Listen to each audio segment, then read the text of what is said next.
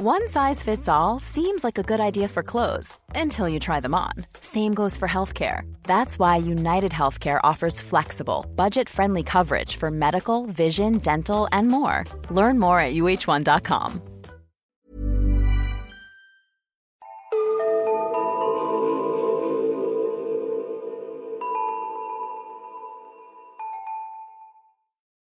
Hej och välkomna till Nära ögat, en true crime-podd för mesar. Mitt namn är Alexandra Kensdottir. Och jag heter Amelia Ingman. Och välkomna till avsnitt 56. Ja, vår säsongsavslutning. Precis. Nu är det sista avsnittet innan sommaren och vi kommer ta ett uppehåll, vi kommer ta lite ledigt. Men vi kan inte riktigt säga hur länge det här uppehållet kommer bli riktigt än. Utan vi kommer helt enkelt hålla er uppdaterade via våra sociala medier när vi kommer tillbaka. Ja, så se till att följa oss på Instagram där vi heter Nära ögat podd och vi heter samma sak på Facebook. Och sen så måste ni se till att prenumerera så får ni upp när vi börjar igen. Och vem vet, vi kanske hittar på något under sommaren. Det kanske blir något litet specialavsnitt eller något minifall. Vi får se. Man vet aldrig. Man vet aldrig. Vad ska du göra i sommar? Oj, vad ska jag göra i sommar? Förhoppningsvis resa. Vara ledig. Njuta lite. Mm. Själv? Skriva manus. jag med, såklart. Hitta inspiration. Ja. Och jag har ju en lång lista med tips som vi har fått in från er som jag bara måste ta tag i och beta av. Men med det sagt, tveka inte på att höra av er om ni har tips på fall som ni tror att vi skulle vilja ta upp här i podden. För det är alltid extra kul att ta upp ett fall som vi vet att ni vill höra. Ja, och era tips skickar ni enklast till oss på DM på Instagram. Där vi som sagt heter Nära ögat podd. Ja, precis. Och vad säger Assa? Är det dags att köra igång dagens avsnitt? Ja, här kommer säsongens sista fall.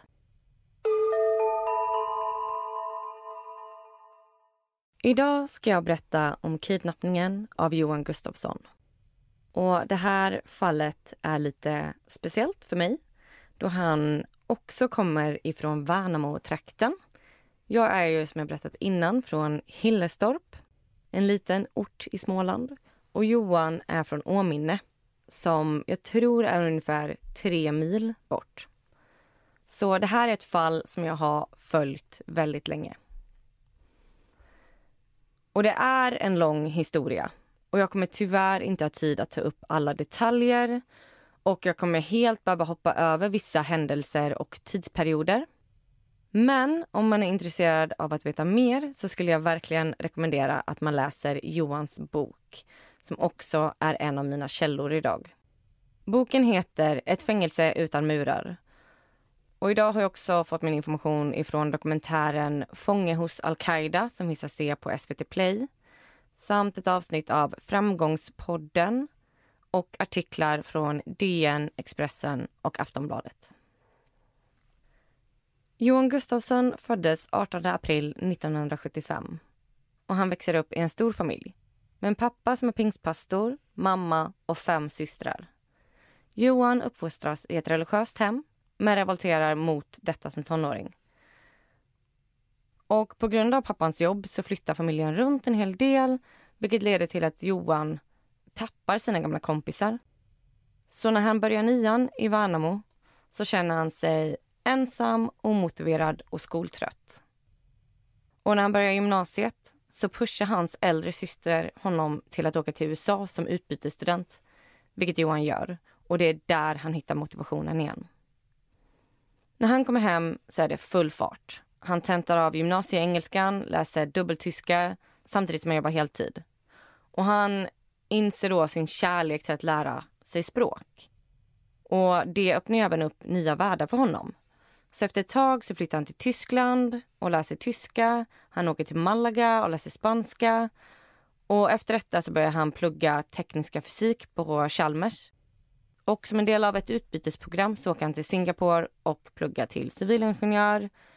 och passar även på att läsa kinesiska på helgerna. Och väl i Singapore så inser han att det är ganska svårt att lära sig kinesiska där då alla pratar med dialekt. Så där lyckas han även få ett stipendium som gör att han flyttar till Peking och börjar plugga kinesiska på heltid vid Peking University. Och det är just på Peking University som han träffar Wen, som han blir tillsammans med. Och efter två år i Peking så flyttar paret till Sverige. Johan börjar driva ett eget bolag där han konsultar inom it-branschen.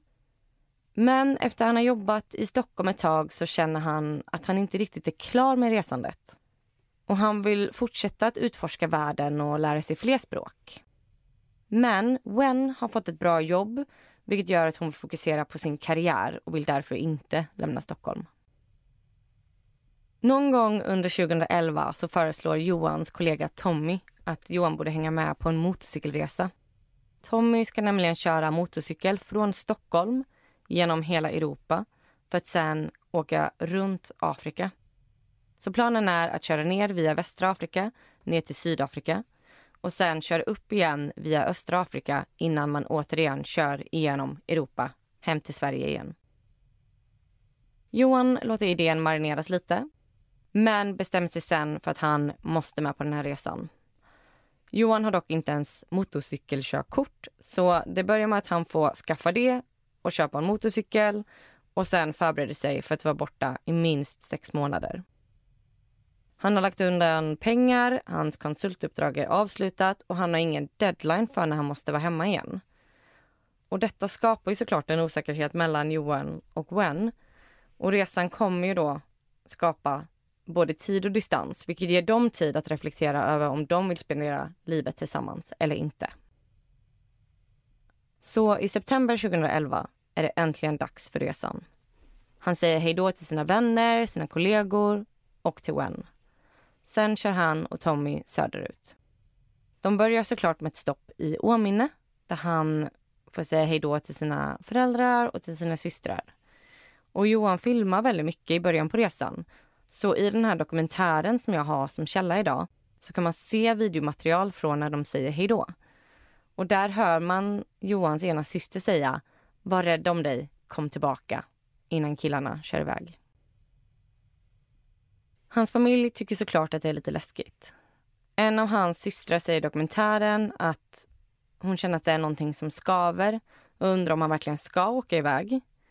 Men Johan är ju van vid att resa så det här är också en väldigt spännande tid och de är glada för hans skull. Johan och Tommy kör ner till Danmark, sen till Tyskland, Nederländerna, Belgien, Frankrike, Spanien för att sen åka över till Marocko. Och det är såklart enklare att köra genom Europa eh, och att köra över gränserna i EU jämfört med de afrikanska länderna. När de väl börjar korsa gränserna i Afrika så blir det lite mer meck vid gränskontrollerna för att söka visum och sådär. Och det kan ju ibland ta upp till flera dagar innan det blir godkänt. Killarna har en fantastisk resa tillsammans. Men efter ett tag så börjar de märka att de prioriterar lite olika. För Tommy är det väldigt viktigt att komma fram till Sydafrika i tid och han vill gärna hålla ett högt tempo. Medan Johan inte riktigt har den deadlinen. Och han tycker om att uppleva länder genom att ta språklektioner och vara kvar några dagar. Och Johan gick ju också in med inställningen att resans form kan ändras med tiden. Och han behöver inte fortsätta den här roadtrippen. Utan nu funderar han också på om han bara ska stanna kvar ett tag utan att ha några måsten eller behöva komma fram i tid. När de kommer fram till Mali, ungefär två månader in på resan, så ska Tommy och Johan dela på sig några dagar. Tommy har träffat några andra som han ska ut på äventyr med. De ska köra offroad. Och Johan väljer att åka och uppleva annat så länge. Och det är inga hard feelings mellan dem. Men de vill bara göra lite olika resor. Och i Mali träffar Johan ett gäng som han har stött på några gånger tidigare under sin resa. Och det är ju väldigt många som åker på liknande resor som man då stöter på i olika länder, i olika städer.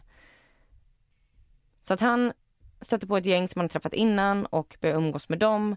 De går på konserter, upplever kulturen, badar i vattenfall och har det väldigt trevligt. Och några av dem han har mött ska till Timbuktu och Johan bestämmer sig för att hänga på. Och det är egentligen inte en del av ursprungsplanen. Timbuktu är lite som en återvändsgränd så det blir en avstickare dit några dagar. Men det känns ändå som att man borde besöka den staden när man ändå är i Mali. Vägen dit är svår. Man kör i timmar genom endast ökenlandskap så gänget är trötta när de kommer fram. De sover på hotell och dagen efter så vaknar de och går ut och upptäcker staden. Framåt eftermiddagen 25 november 2011 så går Johan tillbaka till hotellet. Där träffar han Martin, en tysk man som han stött på några gånger under resans gång. Martin är egentligen där med ett stort gäng som tar samma väg som Johan men med buss. Hans gäng är kvar på stan men Martin blev trött och valde att återvända till hotellet. Han visar Johan lite bilder från sin resa och sen går Johan till sin sovsal för att sova lite under de timmar det är som varmast på dagen. Än så länge så låter detta som en jättehärlig semester. Mm. Men det ska precis ändras. Johan vaknar en stund senare över att han hör skrik och tumult utanför. Och det händer ju väldigt mycket konstiga saker på såna här resor så han tänker först att det kanske är ett bråk eller ett rån. Och han går upp och tänker att han ska smyga ut så han öppnar dörren. Och utanför står en man med en kalasjnikov riktad mot Johans ansikte. Johan hinner knappt reagera. De står och tittar på varandra. Mannen har ansiktet täckt så det enda man ser är hans uppspärrade ögon. Men Johan förstår att han måste följa med. Och mannen leder honom över gården ut på gatan. Och han ser den tyska mannen, Martin, bli slagen av några maskerade män. Männen verkar inte slå för att skada honom utan snarare för att chocka honom. De tvingar upp Johan på ett bilflak tillsammans med en sydafrikansk man som heter Steve och en man från Nederländerna som hette Jacques. Och här vill jag varna för hemska detaljer. När de kör därifrån så hör de två skott. Och Johan förstod det redan då, men fick också det bekräftat senare. Att det var de skotten som dödade Martin. Johan och de två andra männen flyger runt på flaket. Bilen kör extremt fort. De kör över ökenlandskapet och männen studsar upp och ner. De har ett nät över sig som inte flyger ut från flaket. Men det går inte att skydda sig från smällarna och bilresan är extremt smärtsam. Johan förstår att han har blivit kidnappad och att de är på väg någonstans långt bort från civilisation. När de kört bilen ett bra tag så stannar de och väntar in andra bilar. Och då kastar de även in några filtar till männen. Chuck frågar en av de maskerade männen Al-Qaida? Och mannen svarar nickande Al-Qaida. De kör vidare genom ökenlandskapet och ungefär 24 timmar efter de kidnappats så kommer de fram. Och Johan har otroligt ont i kroppen. Han har stora skrubbsår på händerna, knäna och sidan av kroppen. Han har ont i höfterna från alla smällar. Det enda Johan har med sig är kläderna han har på sig. Ett par korta inte-sportshorts och en t-shirt där det står “Jag tränar för Stockholm halvmaraton 2010” och sina flipflops.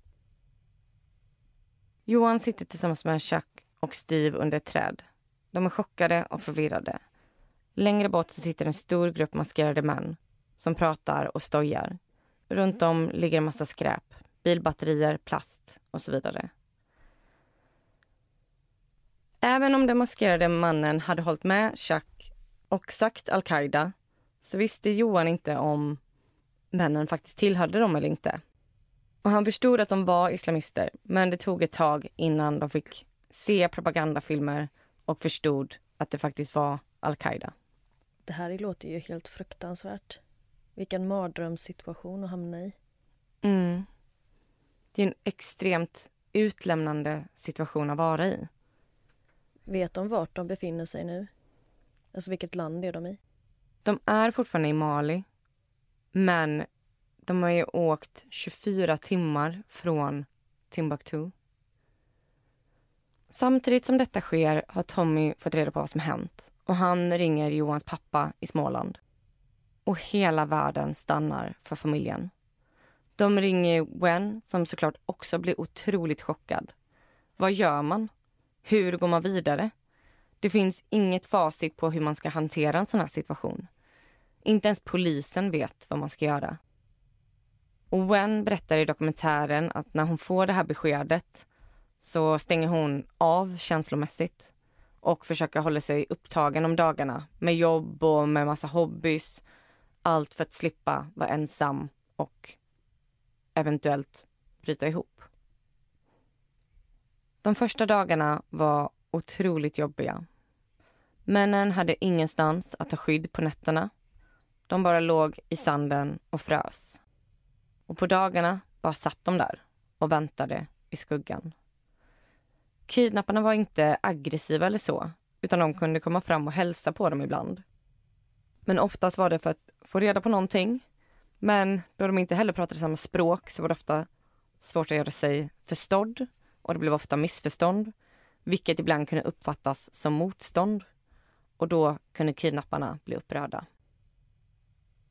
I och med att Johan, Shaq och Steve inte är muslimer så anser kidnapparna att de är smutsiga och otrogna. Så kidnapparna vill inte beblanda sig med dem. Så de tre männen hade bara varandra. Och de var väldigt olika varandra. Chuck, mannen från Nederländerna, var väldigt framåt och rak och tyckte väldigt mycket om att prata bland annat om sig själv och kanske inte lyssna så mycket. Steve, sydafrikanen, tyckte väldigt mycket om att prata om fåglar. Men han uppskattade att han hade andra att umgås med. Och istället för att sitta och prata om samma sak hela dagarna så började Johan gå runt i cirklar på det här lilla området där de fick vara på. Och han gick så mycket att det blev diken i sanden.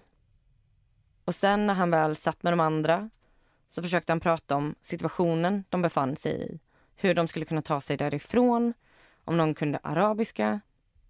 Och Shaq och Steve verkar inte lika intresserade av att göra en plan. Och vid ett tillfälle så pratar de om hur länge de trodde att de skulle vara kidnappade. Siak sa en månad, Steve sa två månader och Johan sa fem år. Men han trodde inte att de skulle överleva så länge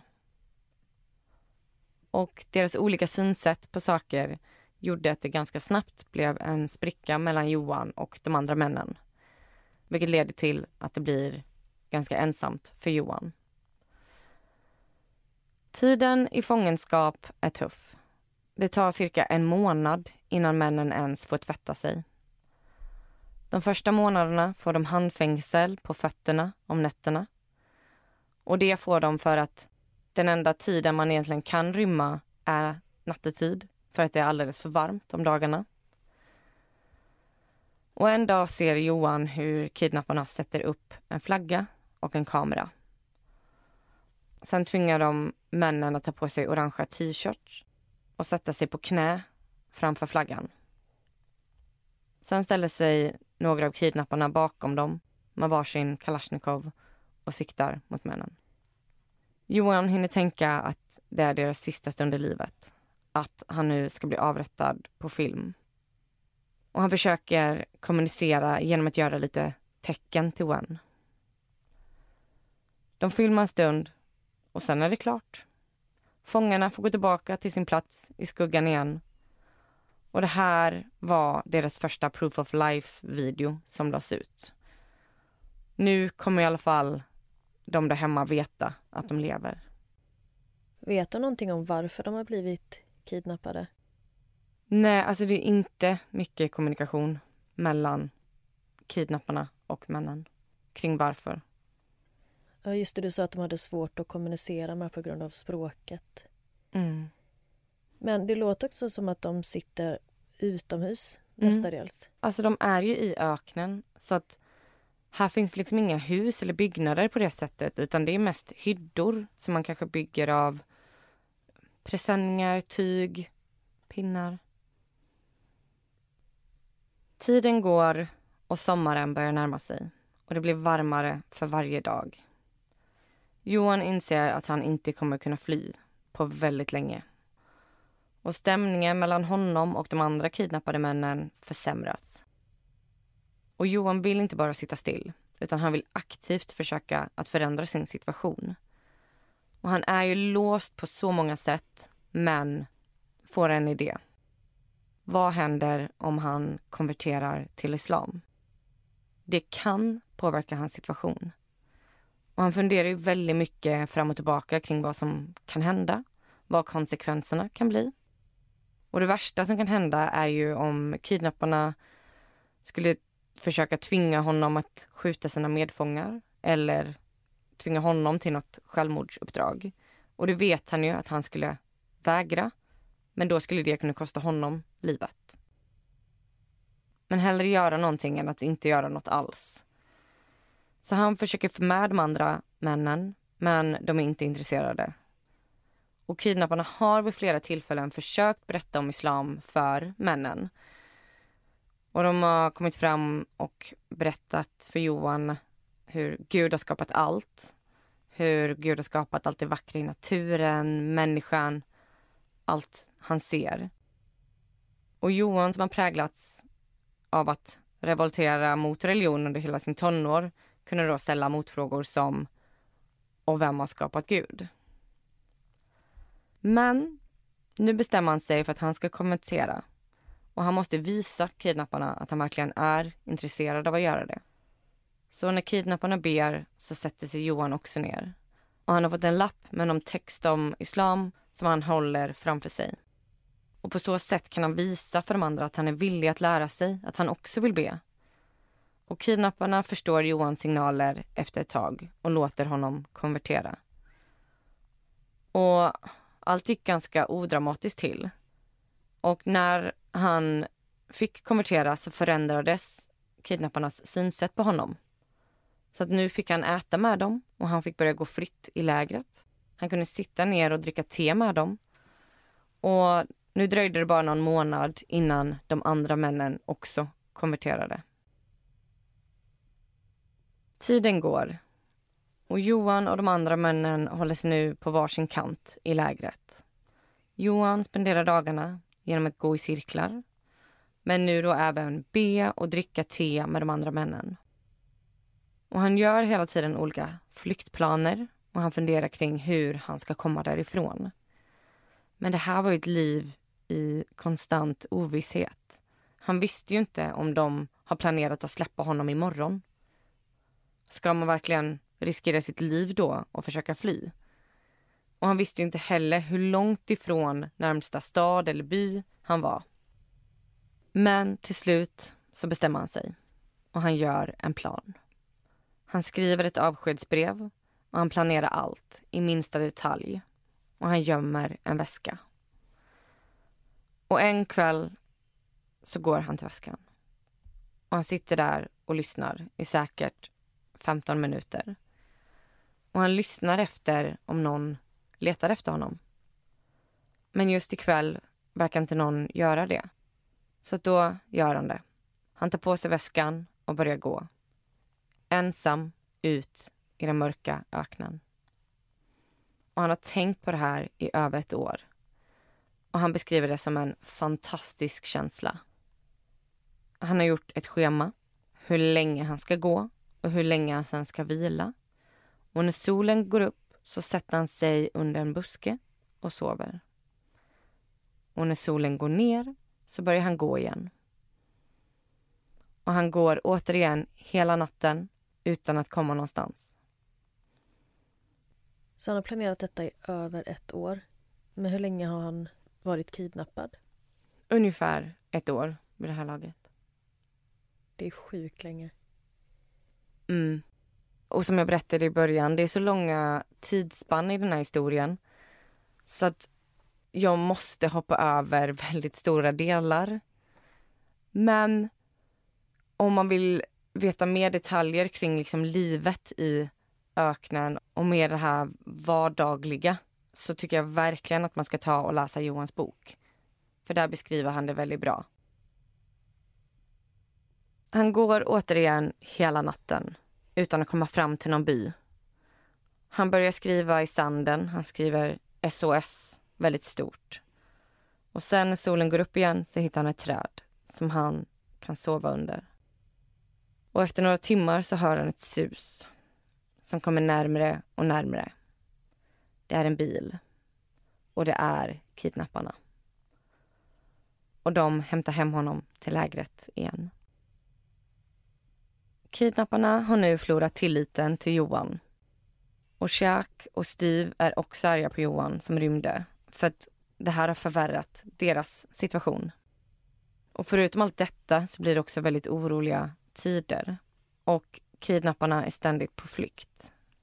Och många gånger måste de fly väldigt snabbt. De måste byta läger och göra allt för att inte bli sedda från lågflygande plan. Och Johan och männen spenderar nästan ett år genom att ligga i en liten hydda. De ligger tätt tillsammans och under den här tiden så har de väldigt begränsade rättigheter. Johan har inte ens en egen vattenflaska utan måste hela tiden be de andra männen som avskyr honom om att få låna deras flaska. Och männen fick knappt röra på sig alls under den här tiden vilket gjorde att de blev försvagade och sjuka. Men vakterna i den här kidnappningsgruppen byts ut hela tiden. Så när situationen lugnat sig lite så börjar de få mer friheter igen. Och för varje gång som vakterna byts ut så kan de pusha så att de får ytterligare lite mer frihet. Så Johan börjar gå i sina cirklar igen, lite varje dag. Och efter några månader så han liksom pushat det så att han nu kan börja jogga i sina cirklar. Och han börjar bygga upp sig igen och får även mer förtroende hos kidnapparna igen. Och de går långsamt tillbaka till de gamla rutinerna. Och tiden går. När männen varit kidnappade i cirka tre år så körs holländaren Schaak till ett annat läger. Vänta, alltså tre år? Mm. Oj. Det är så lång tid. Och efter ett tag så får Johan reda på att det hade kommit fransk militär till det här lägret som Jacques hade varit i. Och de hade skjutit ner alla vakter och sen frigivit honom. Och tiden fortsätter. Det är långa dagar, det är många dagar. Och ju längre tiden går så känner Johan att hans gamla liv försvinner. För vad finns det att återvända till? Allas liv fortgår, men han är fast i någon slags ingenmansland. Och han försöker att inte tänka på dem där hemma utan att fokusera tankarna kring hur han ska ta sig därifrån istället.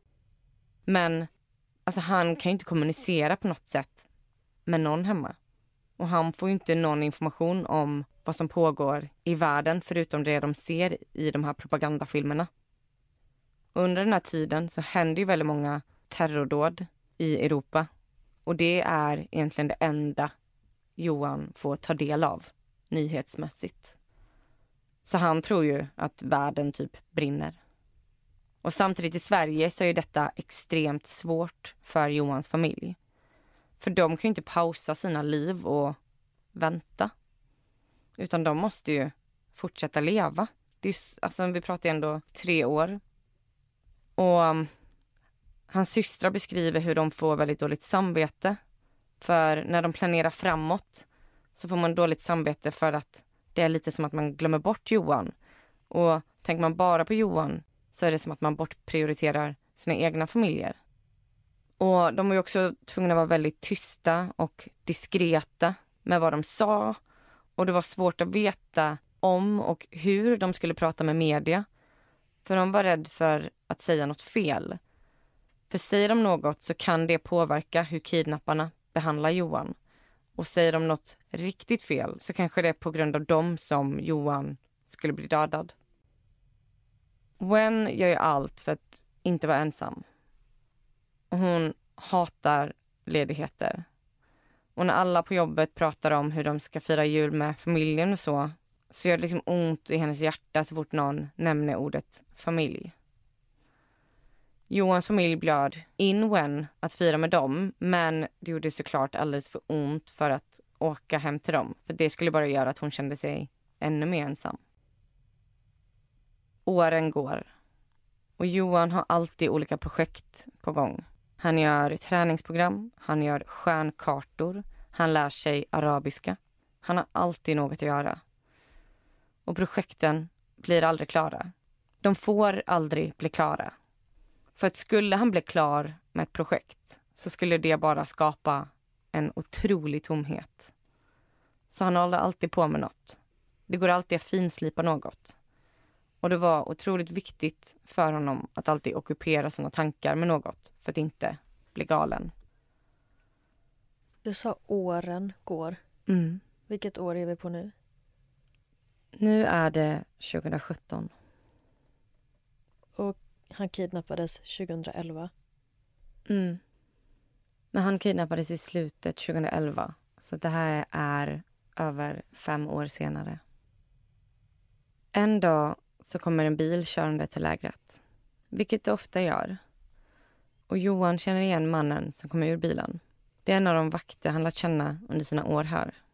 Och mannen kommer fram till Johan och säger att de ska vidare. Johan börjar packa ihop sin hydda och mannen säger att han inte behöver hyddan, ta bara dina grejer. Och Johan tror att hela lägret ska flyttas. Men efter ett tag så märker Johan att det bara är han som plockar ihop sina saker. Mannen ber honom hoppa in i bilen. Och Johan ser att Steve inte heller är i bilen. Och sen kör de. Och det här är första gången under de här åren som Johan och Steve separeras på det här sättet. De kör i många timmar. Och mannen i bilen berättar då att Johan ska släppas. Johan kan inte tro det. Och de kommer fram till en annan bil som Johan får hoppa i. Och sen fortsätter de köra i många timmar till. Efter runt 40 timmar i bil så kommer de fram till ett stort gäng bilar som står i rad och väntar. De går ur bilen och Johan hör då hur någon ropar hans namn på klockren svenska. Han får gå över till dem och där blev han fri. Efter fem år och sju månader som kidnappad var han äntligen fri. Han var kidnappad i 2039 dagar. Johan får då reda på att de här människorna har jobbat med Johans fall i flera år och att de har suttit i oändliga möten och försökt förhandla. Och även att de lärt känna Johans familj. Och det är nu de som då fått honom fri. Och för Johan är detta en chock. För han har ju suttit ensam och inte trott att någon förutom hans familj har brytt sig. Och han har även tänkt att de aldrig skulle hitta honom. Och ungefär en månad senare så släpps även Steve. Och det här var historien om Johan Gustafsson, svensken som blev kidnappad i Mali. If you thought the only way to get a more defined jawline with natural looking results was through surgery, think again. Juvederm Volux XC is a non surgical injectable gel filler that improves moderate to severe loss of jawline definition and can help you achieve natural looking results with little downtime. Even better, this improved definition lasts up to one year with optimal treatment. No maintenance required. Improve jawline definition for a smooth, sculpted look with Juvederm Volux XC. For important safety information and to find a licensed specialist, visit juvederm.com. That's J U V E D E R M.com. Not for people with severe allergic reactions, allergies to lidocaine, or the proteins used in Juvederm. Common side effects include injection site redness, swelling, pain, tenderness, firmness, lumps, bumps, bruising, discoloration, or itching. There's a risk of unintentional injection into a blood vessel, which can cause vision abnormalities, blindness, stroke, temporary scabs, or scarring. Talk to a licensed specialist to find out if it's right for you. Millions of people have lost weight with personalized plans from Noom, like Evan, who can't stand salads and still lost 50 pounds. Salads, generally, for most people, are the easy button, right? For me, that wasn't an option. I never really was a salad guy. That's just not who I am. But Noom worked for me. Get your personalized plan today at Noom.com. Real Noom user compensated to provide their story. In four weeks, the typical Noom user can expect to lose one to two pounds per week. Individual results may vary. Ja, det är helt sjukt. Över fem år i öknen. Mm, verkligen. Och man vill ju gärna veta hur det var när han fick återförenas med sin familj och med Wen. Och vet ni vad? Vi har faktiskt en överraskning till er idag. Vi tänker att Johan själv ska få berätta det här. Så välkommen in, Johan.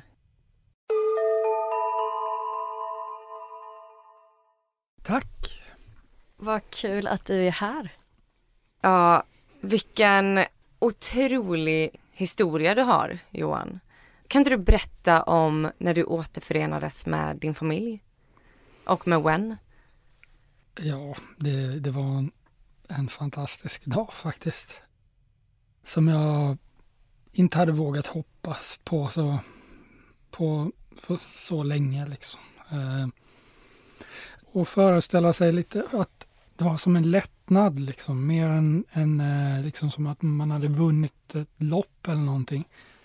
Det var liksom den här eh, att liksom spela den här rollen då under alla åren eh, som, som muslim då i den här sekten, att vara Mose då, som jag kallades där. År ut och år in. Att det började liksom ta på det här med att det där hoppet som man inte riktigt vågade hoppas på började liksom långsamt blekas. Och så plötsligt liksom blir det en sån förlösning. Och det var så oväntat också, liksom att få komma hem. Det var en otroligt fin dag. Och det var ju så... Alltså det var inte bara stort för mig utan det var ju för hela familjen. Eh, alla år som de också hade gått igenom där.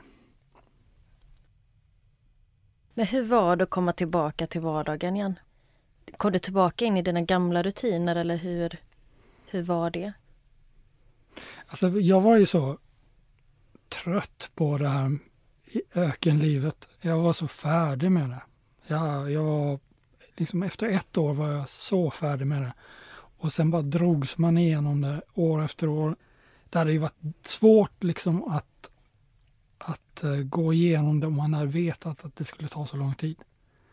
Inför varenda sommar så var det liksom en, man nästan kände det i kroppen liksom hur, hur man våndades inför sommaren då. För man, man var ju liksom helt slut i huvudet liksom hela mm. sommaren. Det var så varmt. Så att det var ju så kul liksom. Det var så skönt att bara komma hem. Det var inget negativt med det. Bara titta på tv, det var liksom så fascinerande. Och lyssna på, framförallt prata med vettiga människor. Då. Det var ju liksom, jag bara pratade på. Bara mm. prata, prata, prata. Eh, liksom, ja, folk lyssnade så att okej, okay, nu pratar och, och liksom allting var spännande. Sen var det lite otäckt liksom med folksamlingar och, och um, i början hade jag alltid någon syster med mig liksom, när jag skulle gå ut på stan eller göra någonting. Men sen lite efter, efterhand liksom, så, så gjorde jag saker och ting själv. Liksom, så man, ja, det gick ganska fort. Jag pratade lite konstigt i början. Var lite oroad över flygplan och sådär. Eftersom de ljuden var associerade liksom med fara. Mm. Men sen, sen så, det var lite som att cykla liksom. Första gången var det lite ovant. Alltså verkligen, alltså cykla. Det var, det var liksom, det var, det var ovant. Och sen eh, cyklade man några minuter och sen bara, så här funkar det. Liksom. Och så var det med alla grejer, åka tunnelbana. Eh, ja, gå ut och, och handla på ICA. Liksom. Det var liksom första gången all, alla de här sakerna var ju lite speciellt. Men sen blir det rutin och sen när det blir det vardag. Vad var det första du gjorde när du kom hem? Alltså det, det, blev ju inte... Jag hade ju en sån här checklista för hur jag skulle göra som jag hade tänkt igenom. Så här. Men ganska snart så... Det där funkade liksom inte. Det blev inte alls som jag hade trott. Liksom jag trodde att jag, jag satt där i en liten koja i öknen och det hade det pågick krig och det var terrordåd i Europa. Så jag tänkte att eh, det är, det är min stackars familj som bryr sig. Så att eh, det var liksom så jag hade tänkt. Jag hade trott att jag liksom skulle få försöka, om jag släpptes vid någon vägspärr i, i Mali där, så skulle jag försöka prata med dem och, och, förklara vem jag var och sen försöka få tag i ambassaden och så skulle jag låna pengar så jag kunde flyga hem och sådana saker. Ja, istället så flög så jag hem och sen var det liksom det här, fick hålla oss gömda för eh, och det var massa poliser och det var massa folk inblandade. Och, eh, vi, vi åkte till ett gömställe. Så det var liksom, det var, det var väldigt organiserat allt det här. Så det, var liksom ingen vardag. Men jag vet att Chuck och Steve till exempel, de satt ju till min frustration och eh, gjorde ju sina bucket list och grejer vad de skulle göra när de släpptes. Som Chuck hade ju listor, tänkt ut exakt vad han skulle äta och dricka och sådana saker. För mig var det inte alls särskilt eh, viktigt. Jag vet att till exempel när, vi, när jag flögs tillbaka då på det så kallade regeringsplanet där. De hade ju liksom planerat någonting som de trodde att jag skulle vilja ha. Det fanns ju en läkare där som kunde svara på frågor som jag har haft under alla åren. Så jag bara satt och pratade och så kom de där, ska du inte smaka på den här räkmackan och champagne liksom? Och bara, ah, okej, okay, ja, visst, lite. Och sen, och sen bara prata vidare. Det var liksom inte det som var viktigt. Jag hade mat och jag hade tillräckligt liksom där jag hade varit. Mm det, var, det var liksom inte det som jag mjuksväng och sådana här saker. Det, det, det hade jag faktiskt inte saknat särskilt mycket. Vad var det för frågor du hade till läkaren? Och jag, det är alla sådana här saker som man hade oroat sig för. Eh, sista resan där var ganska våldsam också, som den första var. Eh, vi kraschade med en bil eh, till exempel och vi, vi flög med den en hel del. De körde som galningar helt enkelt för att vi skulle hinna fram, antar jag. Så jag var lite orolig för att jag hade whiplash faktiskt. Jag hade, det, var, det var en sån våldsam eh, grej. Och det hade precis skett eh, liksom dagen innan, så det var lite det. Och hon sa att då, hade man, då fick man domningar i fingrarna och sånt och det hade jag inte haft, så det kändes ju skönt. Sen hade jag ju svullna fingrar då, som jag hade haft flera år då undrar jag vad det kunde vara. Hon hade lite olika teorier. Och, eh, ja, så var det ju det här, eh, jag hade ju ett ljumskbråck som jag hade levt med. Och vad det kunde vara och så här liksom. Ja, det, det var mycket. Mm. Och kosten liksom var liksom hur vi hade ätit och mm. Du sa att de tog dig till ett gömställe när du kom tillbaka till Sverige. Varför gjorde man det?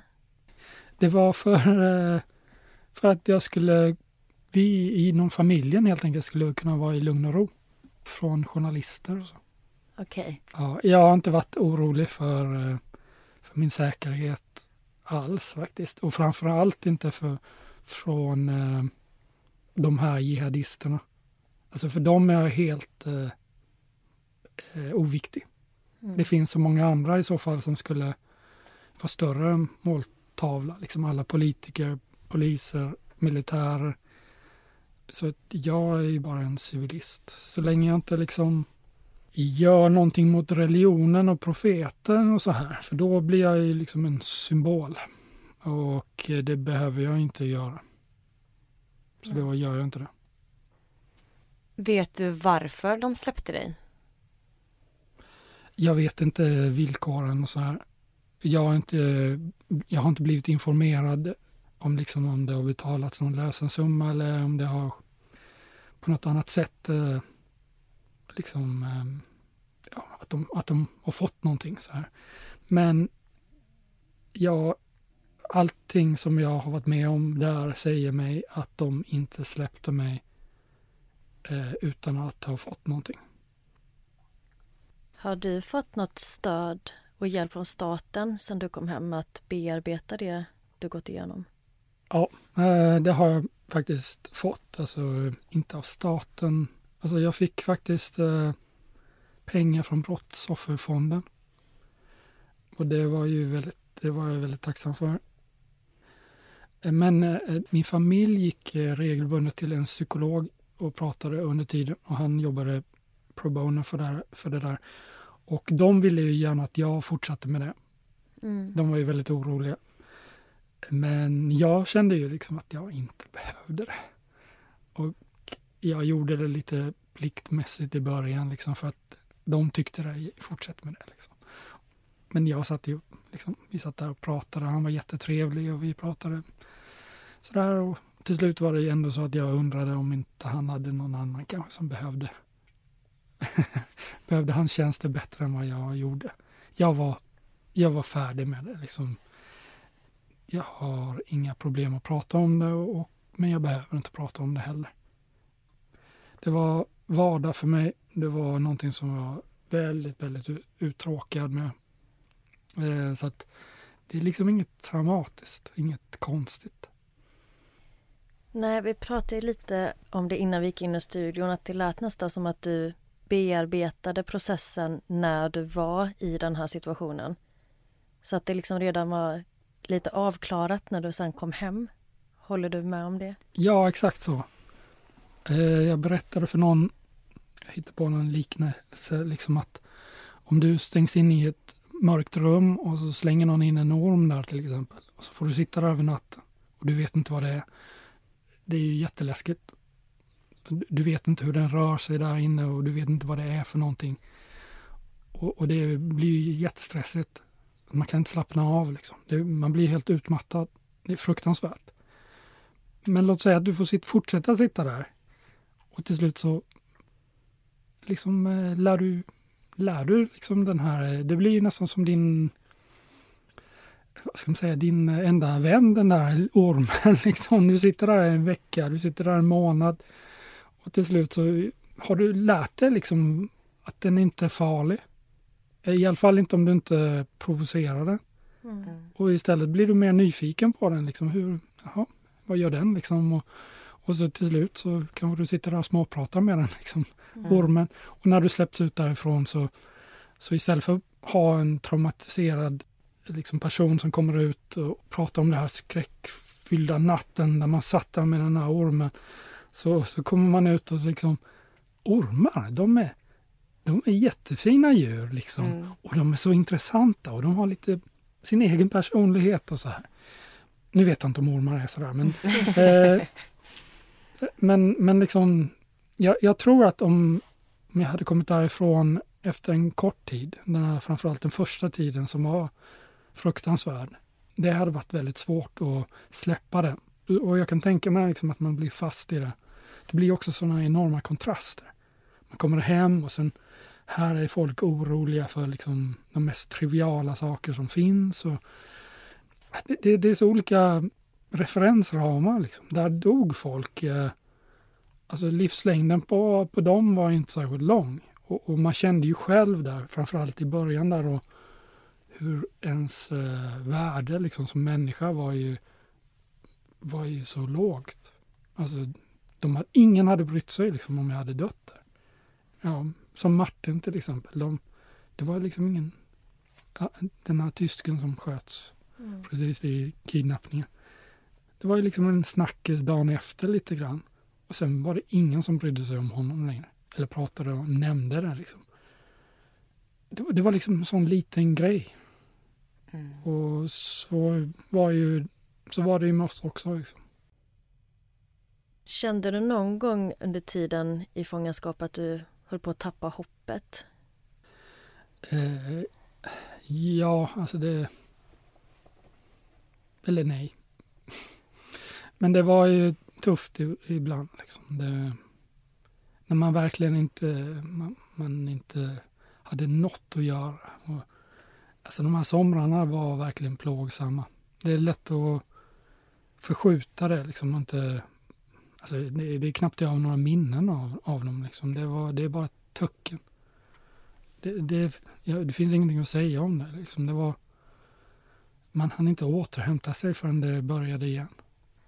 kan du beskriva alltså skillnaden mellan somrarna och resten av året? Alltså hur, hur varmt blev det? Hur, hur ändrades klimatet? Ja, eh, sommaren är ju det mesta av året. mm. Så att eh, det är snarare tvärtom. Alltså, några månader på vintern då, som är vår vinter, alltså december, januari, februari. Där levde man ju upp. Det är egentligen då som, som man kunde liksom göra de här projekten och sådana här saker. Det blir istället lite kallt, men då kan man ju ha filtar på sig och, och göra, ja, bygga hyddor och sånt. Hettan går liksom inte att skydda sig mot. Så det varierar ju dag från dag, men vissa dagar är det ju att det inte blåser någonting. Då får man liksom ingen svalka. Man svettas ju och så blåser det och så får man ju lite svalka. Vissa dagar är luften så varm så att så man värms upp. Det är liksom som en hårtork. Och då är det riktigt farligt för då, då måste man liksom blockera vinden för man tappar så mycket vatten. Så man hinner inte eh, ersätta det. Alltså även ifall du försöker dricka du har inga problem liksom med vattentillgång då, så, eh, så kan inte kroppen ta till sig det. Så då innebär i slutet på dagen så har man ju huvudvärk och, och eh, är helt utmattad. Och sen är det fortfarande varmt när solen går ner. Och någonstans liksom mitt på natten där så börjar man liksom återhämta sig men man sover dåligt. Man ligger och halvsover hela dagen. Och det fortsätter liksom dag efter dag och man mår inte bra av det. Det var ju över 50 grader i skuggan och eh, sanden reflekterar ju väldigt mycket solljus på sig. Då. Så när jag hade min egen lilla koja så, så gav ju den väldigt lite. Man vill ju ha eh, som beduinerna har, då har de stora tält så att de, skuggan blir väldigt stor. Och så kan man sitta i mitten där, då får man mindre sol som reflekteras på sig. Och det finns ju massa knep för att bygga kojor och sånt där. Men ja, det är en annan bok. men det var alltså 50 grader i skuggan? Ja, det, inte, det, var, det var ju extremt eh, varma dagar då. Men det, det kände man liksom att det, idag är det farligt. Då, man kan inte vara utanför skuggan. Vissa dagar var det ju till och med så att vi eh, nödgade oss att be inomhus för man kunde inte vara utanför tälten. Eh, och då var det ganska extremt. Och det går inte att liksom knäböja i sanden eller ens ha händerna i sanden utan man var tvungen att lägga ut filtar och så här. Har du någon kontakt med de andra männen som också var kidnappade? Ja, det har jag faktiskt. Eh, det, det trodde jag inte heller när jag släpptes. Det var så bittert. Eh. Men eh, när jag släpptes då hade ju Chuck varit fri i ja, två och ett halvt år eller någonting, tror jag det. Och om man kan säga vad man vill om Chuck, liksom, men han är inte långsint. Och han har ett stort hjärta och är en ganska kul prick egentligen. Även ifall han har ett hiskligt morgonhumör och har sina idéer. Eh, men eh, han, eh, så han tog kontakt ganska snart faktiskt eftersom, efter jag blivit fri och ville komma till Stockholm. Och eh, jag visste faktiskt inte riktigt vad han ville, om han ville komma hit där och ge mig på käften eller göra upp. Liksom han, eh, om det hade snurrat till sig rejält, eh, alltså det här med att allting var mitt fel och eh, liksom det här att jag hade åstadkommit honom så mycket smärta och förödmjukelser och alltihopa. Men när han kom till Cityterminalen här i Stockholm så, så var det ju liksom stora famnen. Och det var ju jättefint. Det var väldigt fint av honom att komma hit och hälsa på. Jag har sen varit och hälsat på och sett hans hus och hans motorcykel och hans båt och hans bil och hans eh, vid kanalen där och, och allting som han har berättat om i fångenskap. Det var ju väldigt speciellt. Liksom man kände igen alla de här sakerna som han har pratat om och pratat om och pratat om. Och pratat om. Eh, Steve, eh, jag var i Sydafrika och spelade in den här dokumentären då. Och då fanns ju möjligheten att, att vi skulle träffas, men Steve ville inte det. Eh, Men eh, faktum är alltså nu efter fem, mer än fem år så, så har faktiskt eh, Steve hört av sig. Så att vi har utbytt lite. Men sen har jag låtit honom eh, läsa boken då. Så då får vi se om vad han tycker och om han vill eh, hålla kontakt efter det. Men det, det är liksom, jag hade ju läst hans bok så det var ju liksom inte mer än rätt än att han skulle få läsa det jag har skrivit. Sen tror jag att vi kommer ha eh, olika åsikter om saker och ting som jag har skrivit om.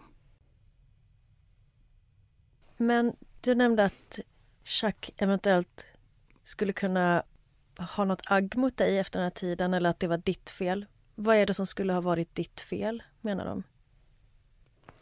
Det blev ju så. Eh, det var ju de två mot mig i princip. De behövde ju inte mig. Jag var ju, de hade ju varandra i början. Eh, och det satte sig ganska djupt alltså i det här. Och sen sågs ju det här med att jag konverterade då. Sågs ju som ett stort svek, förräderi. Och det satt nog väldigt djupt också. Jag kände mig väldigt sviken av hur de betedde sig. Jag försökte ändå liksom behärska mig och så här men eh, jag blev ju kallad väldigt många saker av dem. Alltså de behövde inte bry sig om vad jag tyckte och tänkte. Så att eh, med, det var ju första tre månader som det, allt det där hände i princip. Sen eh, var det väl väldigt förmjukande också att eh, de fick krypa till korset och eh, konvertera också. Men jag förstår dem. Det var, det var så otäckt liksom. Och sen då satt de där kedjade på nätterna och jag gick runt okedjad. Jag visste inte vad det innebar egentligen, om jag skulle om det var någon fördel eller om det var, att det var liksom som ett skämt på min bekostnad. Eller att de skulle testa mig på något vis. Så jag visste inte om det var en bra beslut. Men vi hade inte resonerat om det alls. Ja, så att de pressades väl till det. Men det, det liksom, de konflikterna satt ju väldigt djupt. Sen, sen var det ju när jag gjorde mitt flyktförsök, då vågade inte jag berätta för dem. Jag ju, första året berättade jag för dem exakt vilka planer jag hade. Men senare kände jag att jag inte kunde lita på dem. Att eh, de skulle försöka stoppa mig helt enkelt. Det var så pass... Eh, liksom, jag tror faktiskt de hade försökt stoppa mig. Eh, Steve han visste om Grejen var, då hade det skitit sig så mycket mellan Chuck och Steve. Det var väldigt bittert och elakt mellan, mellan dem. Efter att Steve i princip började följa efter mig så såg ju Chuck det som ett svek i, i sig. Så det, det, det, är liksom värsta såpoperan. Men äh, när jag då äh, gjorde mitt flyktförsök så senare då så hölls vi ju, vi fick inte motionera, vi fick äh, hållas instängda i väldigt små utrymmen och under nästan ett år när vi blev sjuka och, och så här. Och jag tyckte ju, trodde ju att det var mitt fel liksom, för att jag hade försökt fly. Och det tyckte ju de också. De skyllde ju på mig. Ja, och så allt det här liksom. Chuck han verkligen vantrivdes i, eh, där framförallt. Han hade ju enorm hemlängtan och, och, och verkligen ville därifrån. Och det gjorde det väldigt svårt för honom också för att han anpassade inte sig och försökte inte lära sig till en början. Så det tog ju väldigt lång tid för honom så det var extremt plågsamt för honom. Och på något vis så blev det ju liksom, riktades det mot mig. Och där satt jag liksom och gjorde allt jag kunde för att lära mig då om islam och härma dem och sånt där. Det stack ju i ögonen på honom. Han kom ju undan utan att försöka särskilt mycket han, eh, han använde sin humor faktiskt på ett sätt som gjorde saker och ting mycket lättare. Alltså som i tiden så, så integrerades han väldigt väl i gruppen. För han var liksom som ja, eh, lite clown liksom. Eh, slapstick, eh, liksom lärde sig det här. Och då, då blev det inte så gravallvarligt längre. Liksom. Då blev det inte när de kom där och försökte skulle de vara så här jättereligiösa och inbjuda till islam och sånt där. Så liksom, det funkade inte på Chuck. Men istället blev det liksom så här att det kom det en ny grupp så visste de liksom att Chuck var liksom den här som var lite, lite rolig och så här. Och det öppnade, det gjorde ju också att jag kunde se liksom hur man kunde bete sig och komma undan med det. Och han kom ju undan med det, även ifall det var nära ögat många gånger för honom också. Alltså, det fanns ju gränser. Och han kanske inte riktigt förstod det alltid. Ja, så, så att det där sitter ju väldigt djupt, liksom, om man associerar någon med all det här förödmjukelse och, och, och jobbiga liksom, som man har gått igenom. Och eh, jag trodde nog att när han blev fri, liksom, att han skulle liksom älta det och liksom fokuserade liksom all sin ilska på mig. Istället så hade han ju bara släppt det och, och eh, blivit sig själv igen. Mm. Fint ändå att ni har blivit vänner idag. Vi, eh, vi är vänner, eh, men eh, jag vill inte sova under samma tak som honom. där, där går gränsen. Ja. Kan inte du berätta om återföreningen med Wen? Alltså, när vi skildes var det ju inte liksom sådär jättebra. Och eh, jag gillar inte att prata i telefon. Så, mm. så att under resan så hade vi inte hållit så mycket kontakt faktiskt. Eh, vi skypade några gånger. Och det var alltid så här stressigt. Det var liksom, jag hade dåligt samvete. Det var egentligen det som jag fick leva med. Och eh, jag kände väl det när jag pratade in i liksom de här videokamerorna när det skulle spelas in de här Proof of Life inspelningarna. Att, eh, att jag ville säga åt henne liksom att, att hon gärna fick gå vidare. Liksom för att blidka lite mitt samvete också. Men samtidigt så kände jag liksom också det här, tänk om hon kämpar på liksom. Då, jag kan inte bara liksom... Ja, det var ju liksom den här balansen som man fick försöka säga. Liksom. Så när jag kom hem så visste jag ju liksom inte hur, eh, hur det var. Så det var ju liksom bara att ta det för som det var. Så hon var ju med på Arlanda där så vi ja, kramades liksom och sen sen var det så vi fick eh, lite tid för oss själva liksom.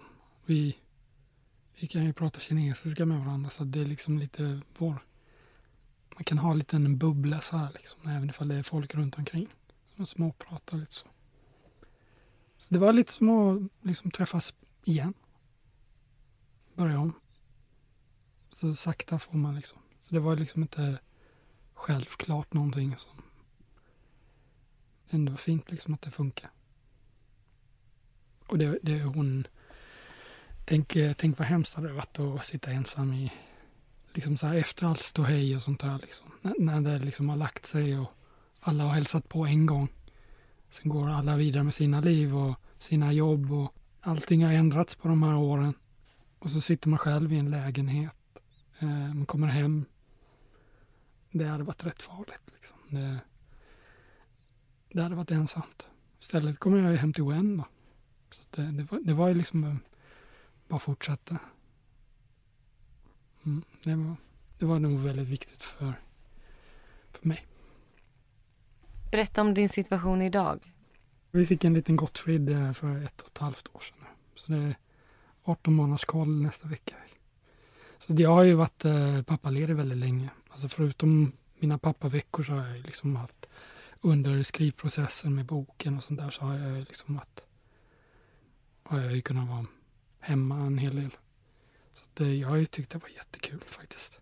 Det är ju en av sakerna som jag verkligen uppskattar med Sverige och är väldigt stolt över liksom att vi att man som pappa, alltså när man går till öppna förskolan och, så här, och alla pappor sitter där liksom, och vi pratar bebisar och blöjor och grejer. Liksom, det, det är ju skitfint. Det är, jätte, det är svårt att förstå att, att man inte gör så överallt. Mm. Eller att mammor inte kan vara hemma med sina barn liksom, i USA och så. Här. Det är ju fruktansvärt. Det, det är liksom ofattbart. Hur känner du kring att resa idag? Är du fortfarande lika öppen för att upptäcka nya länder, nya kulturer eller är du mer försiktig? Nej, det är, Jag är inte orolig på det viset. Eh, och jag hade gärna rest. Men eh, nu är jag småbarnsförälder och jag flyger inte längre heller. Så det gör det lite, gör att eh, möjligheterna är lite mindre faktiskt. Men det är, ja, jag tycker det här med föräldraskapet är liksom, en, är liksom det som jag fokuserar på just nu. Det är liksom en resa i sig. Mm. Tycker du att den här upplevelsen har påverkat dig när det kommer till att hantera andra svåra situationer i vardagen? Jag vet faktiskt inte.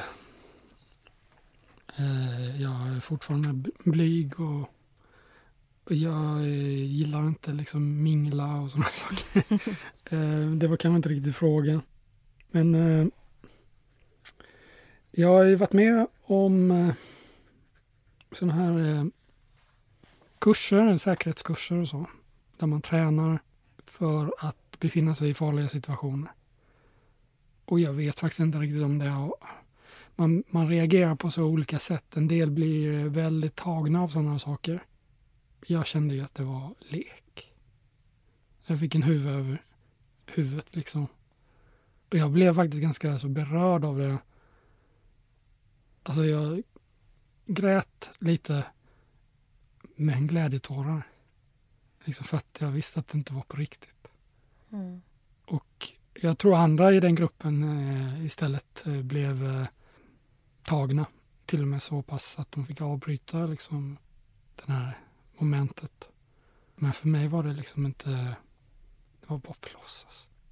Men i allmänhet så, det är liksom inte så att jag sitter med några djupa kunskaper utan det, det där, jag är liksom det jag lärde mig är detaljer om hur man bygger kojor och, och liksom de här sakerna som egentligen är ganska torftiga aktiviteter. Liksom det, var, det var ett sätt att spendera tiden mest. Det är inte så att eh, det, det är, jag har en, liksom en lucka. Och eh, nu när jag började jobba för en vecka sedan så känner jag liksom det har hänt en hel del på tio år. Mm. Eh, vilket är lite knepigt. Eh, men jag hoppas att det är som att cykla också. Var jobbar du någonstans nu? Jag är tillbaka i Kista och jobbar som konsult. Eh, så att det, det, är samma roll. De verktyg jag använder börjar bli lite ute, om man säger så. Jag måste nog ombild, eller liksom fortbilda mig ganska snabbt för att få nya uppdrag. Men det, det, det, som är skönt med det är att eh, min chef, han är ju VD då, så att han finns ju där och eh, Tommy var faktiskt eh, konsultchef där och för till bara för någon månad sedan. Mm. Faktiskt, så att vi byter av varandra lite där. Men vi, vi är i samma cirklar. Och det är hälften av de som jobbar för det bolaget det är ju gamla bekanta. Och det är ju väldigt skönt liksom när att jag inte behöver jag behöver inte förklara mig, liksom, för då, alla de vet. Det, det är ju så hemma och med folk jag känner och sånt där. Det är inte så att vi diskuterar det här. Vi, vi pratar inte öken, anekdoter och sådana här saker. Liksom det, det är vardag mm. som, som gäller. Och så är det. Så att det blir lite, om man träffar på någon som kanske bara läst om mig och sånt där. Eh, eller ibland är det ju så här man måste förklara sig typ när man söker jobb och så här. Jag um, har sökt uh, lite annat också liksom, och då måste man förklara sig. CV har ju liksom en lucka där. Och då blir det, det blir lite surt liksom att dra det på kort och så folk blir, vet inte riktigt hur man ska bete sig. Man är väldigt förstående liksom, så man vill inte vara klumpig eller säga något dumt och så här. Så då blir man väldigt försiktig istället. Då blir det någonting man tassar runt. Jag har inga problem, så då ganska snart så lär man sig det. Eh, men det är liksom en tröskel. Liksom. Och det, det, är lite surt liksom när folk, man, man, känner liksom, om man är i ett rum och hälften, man känner inte dem men de vet vem man är själv. Det är lite obekvämt. Mm. Men det händer inte så ofta. Alltså när man har varit med om en sån här sak, tänker man på det varje dag? Nej. Alltså, nej. Det är liksom som det inte hade... Som, som det inte har hänt. På ett konstigt sätt. Eh, man påminns inte av det. Det är en annan, helt annan omgivning. Och sen har jag vant mig liksom vid den här standarden som man lever i och eh, tänker på helt andra saker. Så det, eh, det... Nej, jag tänker inte på det. Och som jag berättade innan i avsnittet så fick jag ju hoppa över väldigt stora delar, väldigt stora tidsperioder. Det var ju ändå fem år och sju månader som du var kidnappad. Och mycket av det jag hoppade över var ju alltså det här livet du hade i öknen. Men det har du skrivit väldigt mycket om i din bok Ett fängelse utan murar. Så vi kommer ju faktiskt att tävla ut några exemplar av din bok på vår eh, Instagram där vi heter Nära ögat podd som också Johan har signerat så fint. Följ oss på Instagram för att inte missa tävlingen så kommer den komma upp inom kort. Och tack så jättemycket Johan för att du har varit här idag och eh, delat din historia. Ja, tusen tack Johan. Det var, det var lite absurt att berätta om någons liv som var här i studion med oss. Kändes det okej okay att lyssna på Assa? Ja. Skötte hon sig? Höll hon sig till sanningen? Eh, det är värre att lyssna på sig själv faktiskt. Jag vet. Har du någonting mer du vill tillägga innan vi rundar av här? Nej, ni får väl ha en uh, trevlig ledighet och hoppas att det blir fler poddavsnitt i framtiden då. Jag vet inte om ni har bestämt er eller inte. Ja, vi hoppas också på det, men vi kan inte säga exakt när än. Men tack igen för att du varit här och tack så jättemycket alla som har lyssnat på den här säsongen. Och vi hoppas att ni gillade det här specialavsnittet som avslutade säsong fyra. Ja, vi hörs igen när vi hörs. Puss hej!